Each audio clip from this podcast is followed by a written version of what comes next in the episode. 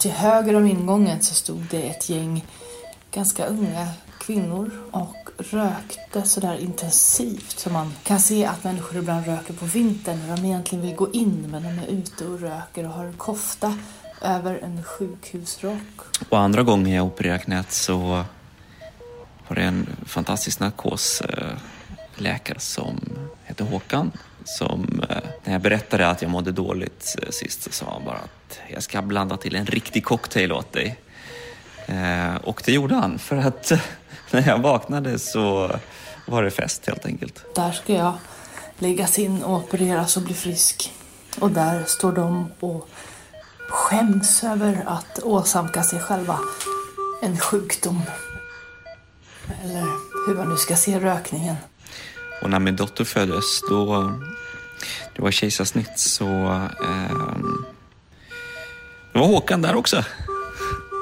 Och eh, hon föddes 11 och 11 och Håkan sa 11 och 11, det är snyggt, det tar vi. DN Scoop. Jag heter Alexandra Urisman. Karolinska kan ersättas av ett nytt storsjukhus. Det här är ju ett väldigt eh, högteknologiskt sjukhus. Sänkta visioner för supersjukhuset. Men man hade inte hunnit testköra tekniken innan man flyttade in. Flytten av Nya Karolinska har kantats av tekniska problem.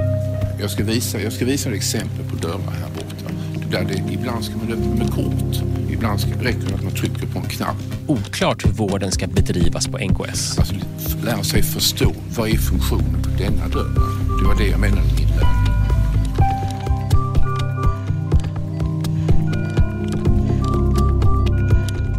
Jag har bara varit på Nya Karolinska en gång. DN på konstrunda på Nya Karolinska Universitetssjukhus i Solna. Det var precis före öppnandet. Jag var praktikant på DN just då på kulturredaktionen.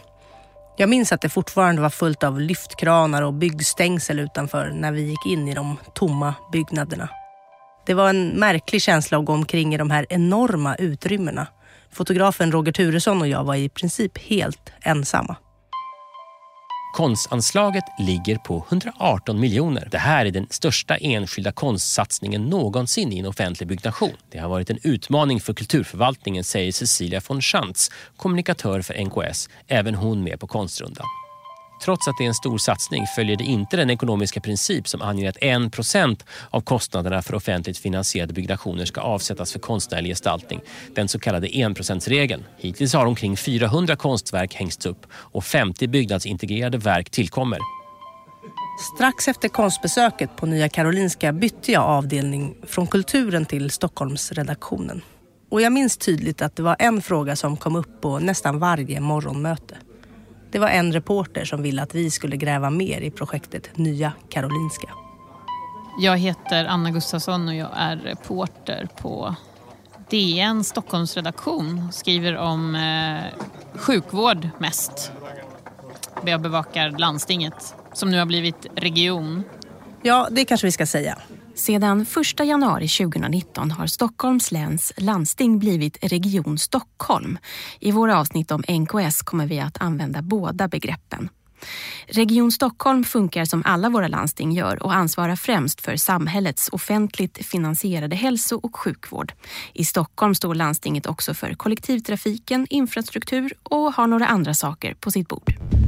Anna började jobba på DN våren 2015. Då hade bygget av Nya Karolinska varit igång i fem år men antalet artiklar i tidningen var inte jättemånga. Inte om man jämför med Svenska Dagbladet, den stora konkurrenten som hade grävt fram nyhet efter nyhet om jättebygget i Solna.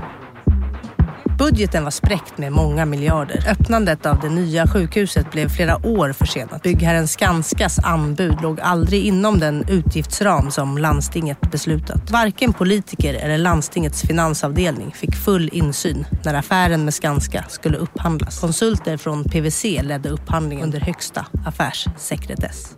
Det var som en tand som man inte ville dra ut. Man visste inte riktigt hur man skulle ta sig runt att DN hade skrivit så lite eh, om Nya Karolinska. Men inför att sjukhuset ska öppna i november 2016 lägger man upp en plan för tre stora artiklar.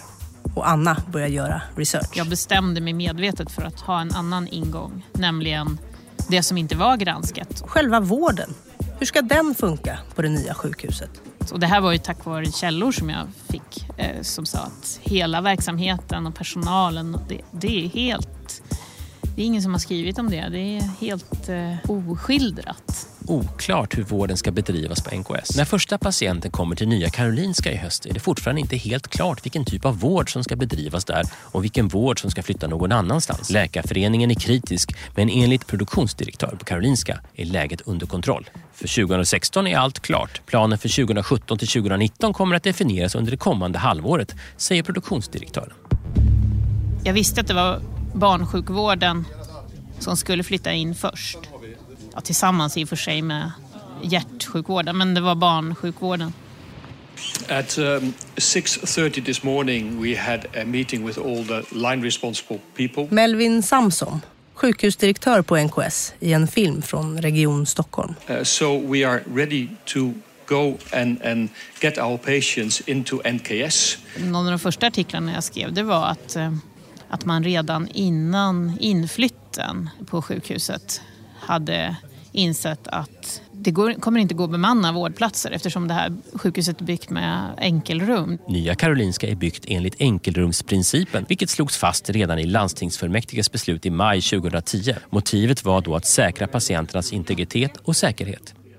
Ur Region Stockholms film om det nyöppnade sjukhuset. Det bästa med hela sjukhuset är alla nya fräscha lokaler. En sjuksköterska som berättar varför enkelrum är en bra idé i framtidens sjukhus. Förut hade vi ju vårdrum där man kunde dela rum så att man var två patienter i ett rum. Och det var ju liksom ur både hygienperspektiv och kanske sekretess inte det bästa. Eh, här har ju alla barnen ett eget rum. Så det tycker jag känns mycket bättre.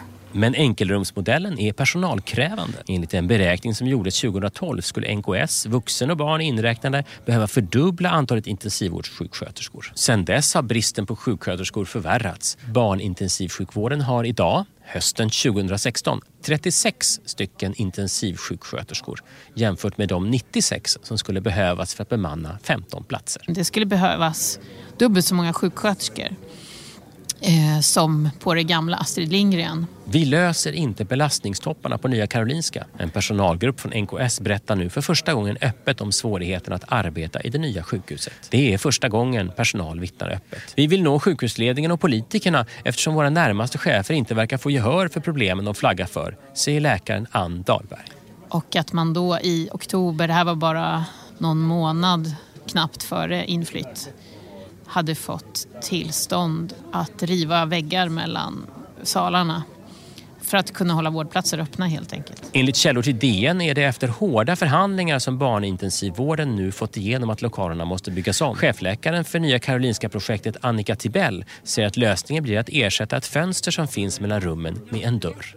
I detta toppmoderna, superpåkostade sjukhus så var man tvungen att börja såga upp öppningar mellan enkelrummen. Nya Karolinska byggdes med enbart enkelrum för att minska smittspridning och öka integriteten. Nu är bristen på vårdplatser akut. Funktion måste gå före form, säger Svante Norgren, temachef för barn och kvinnosjukvården. Byggherren Skanska tar med oss på en rundtur i det nya sjukhuset medan det fortfarande är en byggarbetsplats. Vi står nu i en korridor på ett våningsplan för slutenvård. Varje våningsplan består av 28 enkelrum med tillhörande WC och dusch. I mitten av varje våningsplan finns lokaler för administration, serveringskök, dagrum för patienter, läkemedelsrum och patientnära analys. När man läser beskrivningen till Skanskas film står det. Du får också i filmen se exempel på de höga krav som Stockholms läns landsting har ställt på byggnationen av sjukhuset. Både utifrån ett patientperspektiv och flexibilitet och hur de har varit drivande i utvecklingen av designen. Här i korridoren syns det att belysningen är placerad längs väggen istället för i mitten av innertaket. Det gör att patienter som transporteras på säng slipper få ljuset flimrande i ögonen. När man så här i efterhand ser denna våg av artiklar om det sjuka huset är det lätt att glömma bort att intentionerna var goda, ambitionerna höga och i sjukhuslokalerna finns också moderna lösningar som är väldigt bra. Arbetssättet kring eh, operationerna kommer att förändras på NKS. Det som har varit vårt fokus kring salarna är ju också att föra in modern teknik i salen. Det är inte särskilt fancy, det är egentligen en sån teknik som vi är väldigt vana vid idag från hemmiljö. fast som nu förs in i en medicinsk miljö. Ändå är det förvånande hur vissa basala saker verkar ha glömts bort. Föräldrar samlar pengar till kök på Nya Karolinskas barncanceravdelning. Och när inflytten av barnsjukvården sker inser man att sjukhuset inte är planerat för barn. En barnperspektivgrupp listar vilka behov som finns. Bland annat är barnakuten inte en välkomnande miljö för barn. Skollokalen är för liten det saknas lekrum och utrymmen för familjer. Barn som drabbats av cancer måste ofta bo på sjukhuset under långa perioder när de får behandling. Barncancerfonden har länge betonat vikten av att familjerna ska kunna laga mat på avdelningen, vilket man också kunde innan avdelningen flyttade till NKS. Föräldrar i Barncancerfonden Stockholm-Gotland har samlat ihop 280 000 kronor för att bekosta bygget av ett fungerande kök på barncanceravdelningen. En källa berättar för DNs journalist Anna Gustafsson att det är känsligt att tala om problemen eftersom Nya Karolinska är ett prestigebygge. Det socialdemokratiska oppositionslandstingsrådet Erika Ullberg är kritisk. När man bygger ett så dyrt sjukhus och barnsjukvården söker externa finansiärer för barnanpassning, då vet man inte om man ska skratta eller gråta. Hur kan de ha glömt bort barnen när de byggt ett så dyrt sjukhus? Barnanpassningar för 7 miljoner på Nya Karolinska. På avdelningen för barncancer ska landstinget nu bekosta ett tillagningskök, är det nya beskedet från Moderaterna. Landstinget har alltså beställt ett sjukhus som är generiskt. Ett skal. Vilket betyder att vårdinnehållet inte var bestämt från början. Det är därför till exempel barnavdelningen ett och ett halvt år efter öppnandet anpassas i efterhand. Och det finns en egen budget på 1,7 miljarder kronor för alla ändringar som ska göras. Ibland är det bra att vänta och bo in sig innan man gör anpassningar, säger ett moderat landstingsråd med ansvar för fastigheter.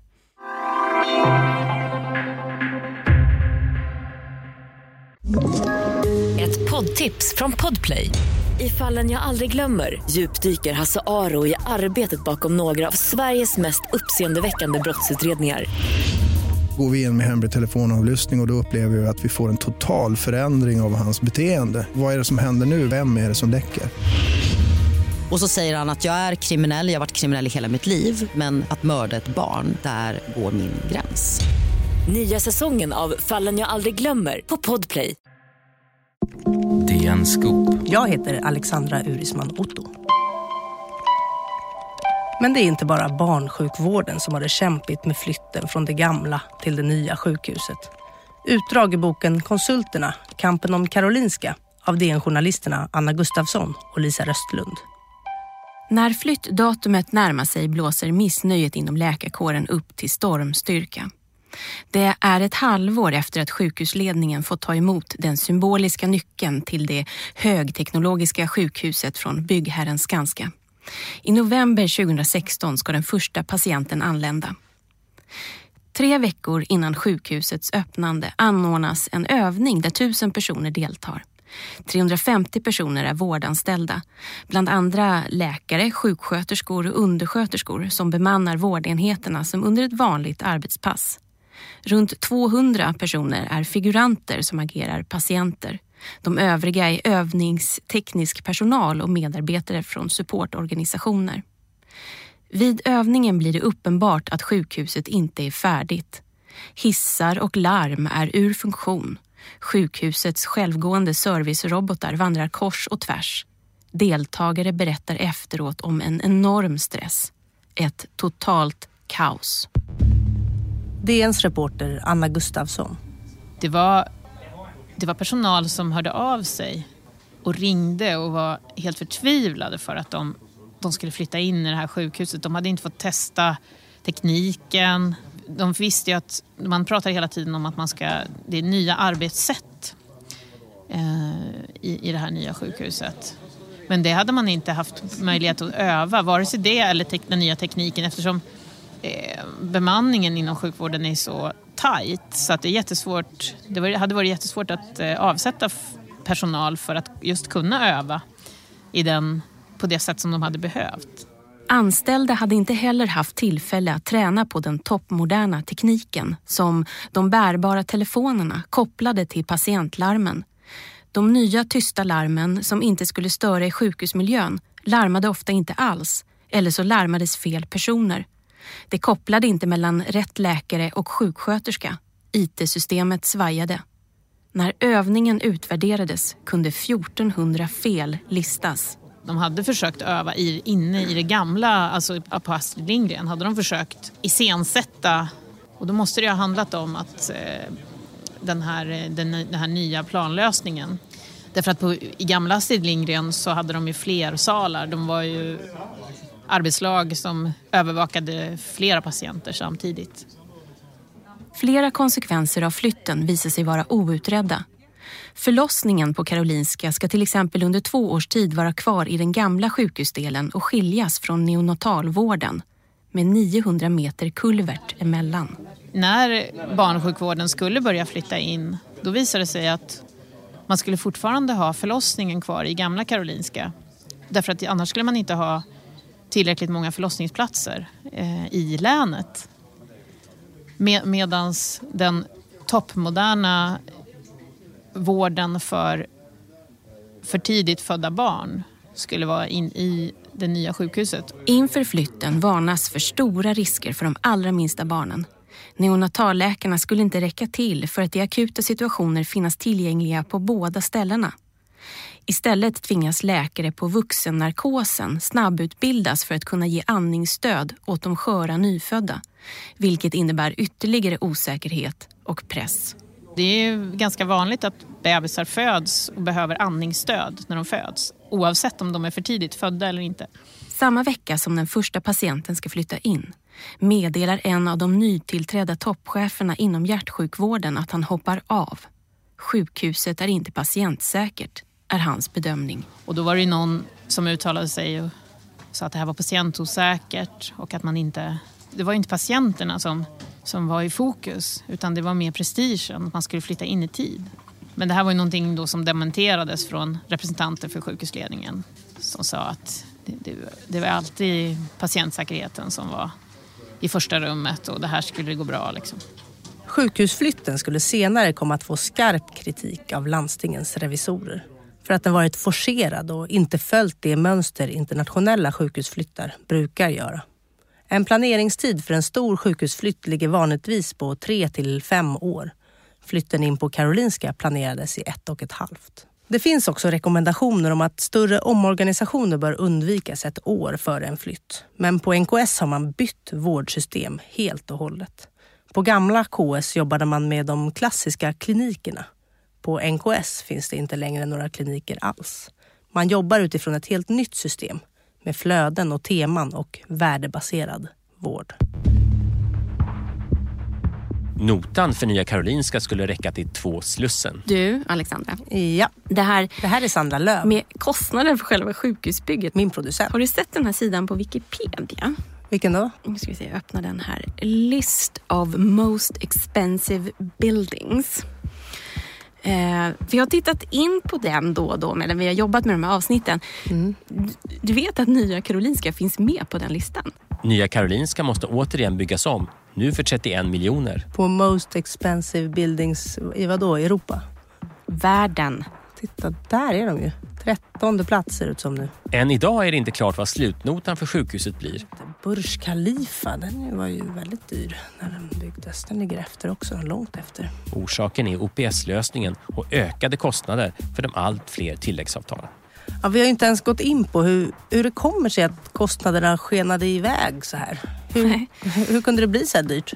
Jo, Alliansen i landstinget de ville prova något nytt. OPS. OPS det är en upphandlingsform. Den grävande reporten Anna Gustafsson. Som är ganska, eller väldigt, var väldigt oprövad. Den är ju fortfarande ganska oprövad kan man säga i Sverige. Eh, och det, OPS står då för offentlig privat samverkan. Och det betyder att det är en eh, privat eh, finansiär som går in i ett eh, offentligt projekt och eh, att den här privata finansiären eh, lånar och eh, bygger och ofta även driver en offentligt projekt eh, under, som ett långtidsåtagande. Jag tycker också att man kan likna det vid ett eh, all inclusive För när du gör ett projekt med OPS, då planerar du allting in i minsta detalj i det här bygget. Mm. Och det är så man har gjort på Nya Karolinska. Alltså redan på ritningsstadiet så finns i princip alla pinaler med. Hur kunde det här bygget bli så dyrt? Det har ju att göra med den här OPS-lösningen. Mm. I Storbritannien så har man ju nu också kunnat konstatera att de byggen som man har gjort med OPS de blir ungefär 70 procent dyrare än med en traditionell upphandling. Och det har att göra med att den privata finansiären Alltså det är dyrare för den att låna. Eh, man säger att den privata finansiären måste ha en säkerhet och därför så blir det en dyrare nivå. Man visste redan vid den här tidpunkten att det var billigare för det offentliga. Det är alltid billigare för en offentlig, ja, som i det här fallet då en kommun eller ett landsting, att eh, ta, ta upp lån än för en privat aktör därför att det offentliga har hela skattekollektivet bakom sig som säkerhet. Och hur, om du ska konkretisera det i det här fallet, vad, vad innebar OPS i fallet Nya Karolinska? Nej, men de borgerliga partierna i landstinget ville pröva OPS för att det var liksom ett ideologiskt ställningstagande. Villkoret för att man liksom skulle ändå köra vidare på den här oprövade modellen det var ju att det blev en, en upphandling i konkurrens, att det var flera budgivare. För då hade man också kunnat, då hade man kunnat pressa priset, marknadstesta. Eh, men det gjorde man ju inte. Det, är bara, det var ju bara Skanska som fanns som anbudsgivare. Som i ett konsortium med Innisfree, eh, ett riskkapitalbolag, fick uppdraget att eh, bygga eh, låna och finansiera Nya Karolinska. Det här med OPS-avtalet är omtvistat. Inte bara för att det är en ny metod och för att det har rullat miljarders miljarder. På sätt och vis kan man nämligen också säga att avtalet fortfarande funkar. I grunden låg det på 14,5 miljarder kronor och den budgeten håller eftersom alla ombyggnationer, tillbyggnad för fler vårdplatser, medicinsk utrustning och en budget på 1,7 miljarder för tilläggsbeställningar har staplats ovanpå. Bit för bit har alltså flyttats ut ur huvudavtalet.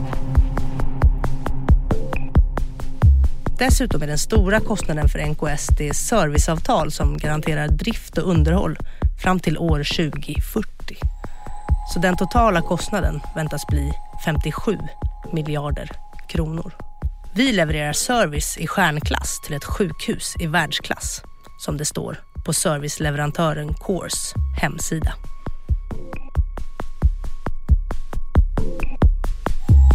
Service i stjärnklass. Facility management kallas det här. Det är ju ett helt grävjobb i sig det här, bara kostnaderna för bygget. Ja, det har ju gjorts gräv på det också. Ja. Det var ju liksom så allting började. Man grävde liksom fram den informationen först. Mm. Eh, men jag måste säga att igen, alltså när jag tittar på den här list of most expensive buildings. Jag, jag känner mig lite snuvad. Har du sett bilderna här på några av de andra? Det är ju som värsta jättestora superexotiska hotell som hela resorts. Vad kan man inte få för de här pengarna? Apple Park. Apple Park. Ja, där är vi ju inte riktigt i Solna. Men du, det här eh, citatet från Filippa Reinfeldt då. Det finns, ju, eh, det finns ju ett sånt som gör att det kanske ändå känns lite eh, lyxigt ur DNs lördagsmagasin april 2014. Det här kommer att bli ett landmärke. Gävlegatan ska gå rakt genom sjukhusområdet. Folk på trottoarerna kommer att se personalen springa med svårt sjuka i glaskorridorerna ovanför dem. Det är ganska häftigt, säger Filippa.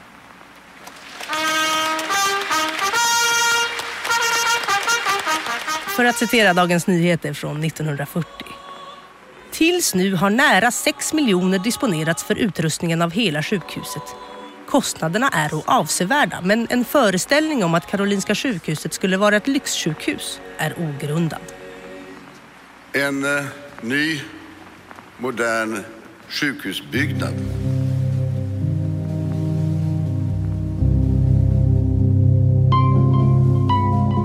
i nästa avsnitt. Hej, jag heter Lisa Röstlund och är specialreporter på Dagens Nyheter. Vattenläcka genom tre våningar på Nya Karolinska. Jag skyller inte ifrån mig. 15 vattenläckor på Nya Karolinska sedan 2016. Men det är en faslig blandning utav tekniska fel, Flytten av Nya Karolinska har kantats av tekniska problem. handhavande fel, inlärning, injustering. Inlärning, vad tänker du på då? Jag ska visa, jag ska visa dig exempel på dörrar här borta. DN Scoop. Jag heter Alexandra Urisman Otto. Du har också hört reportrarna Anna Gustafsson och Lisa Röstlund som har skrivit boken Konsulterna, kampen om Karolinska. Ljuden från filmklippen i avsnittet kommer från Region Stockholm, Skanska och Karolinska Universitetssjukhusets egen webb. Producerade och klippte gjorde Sandra Löv.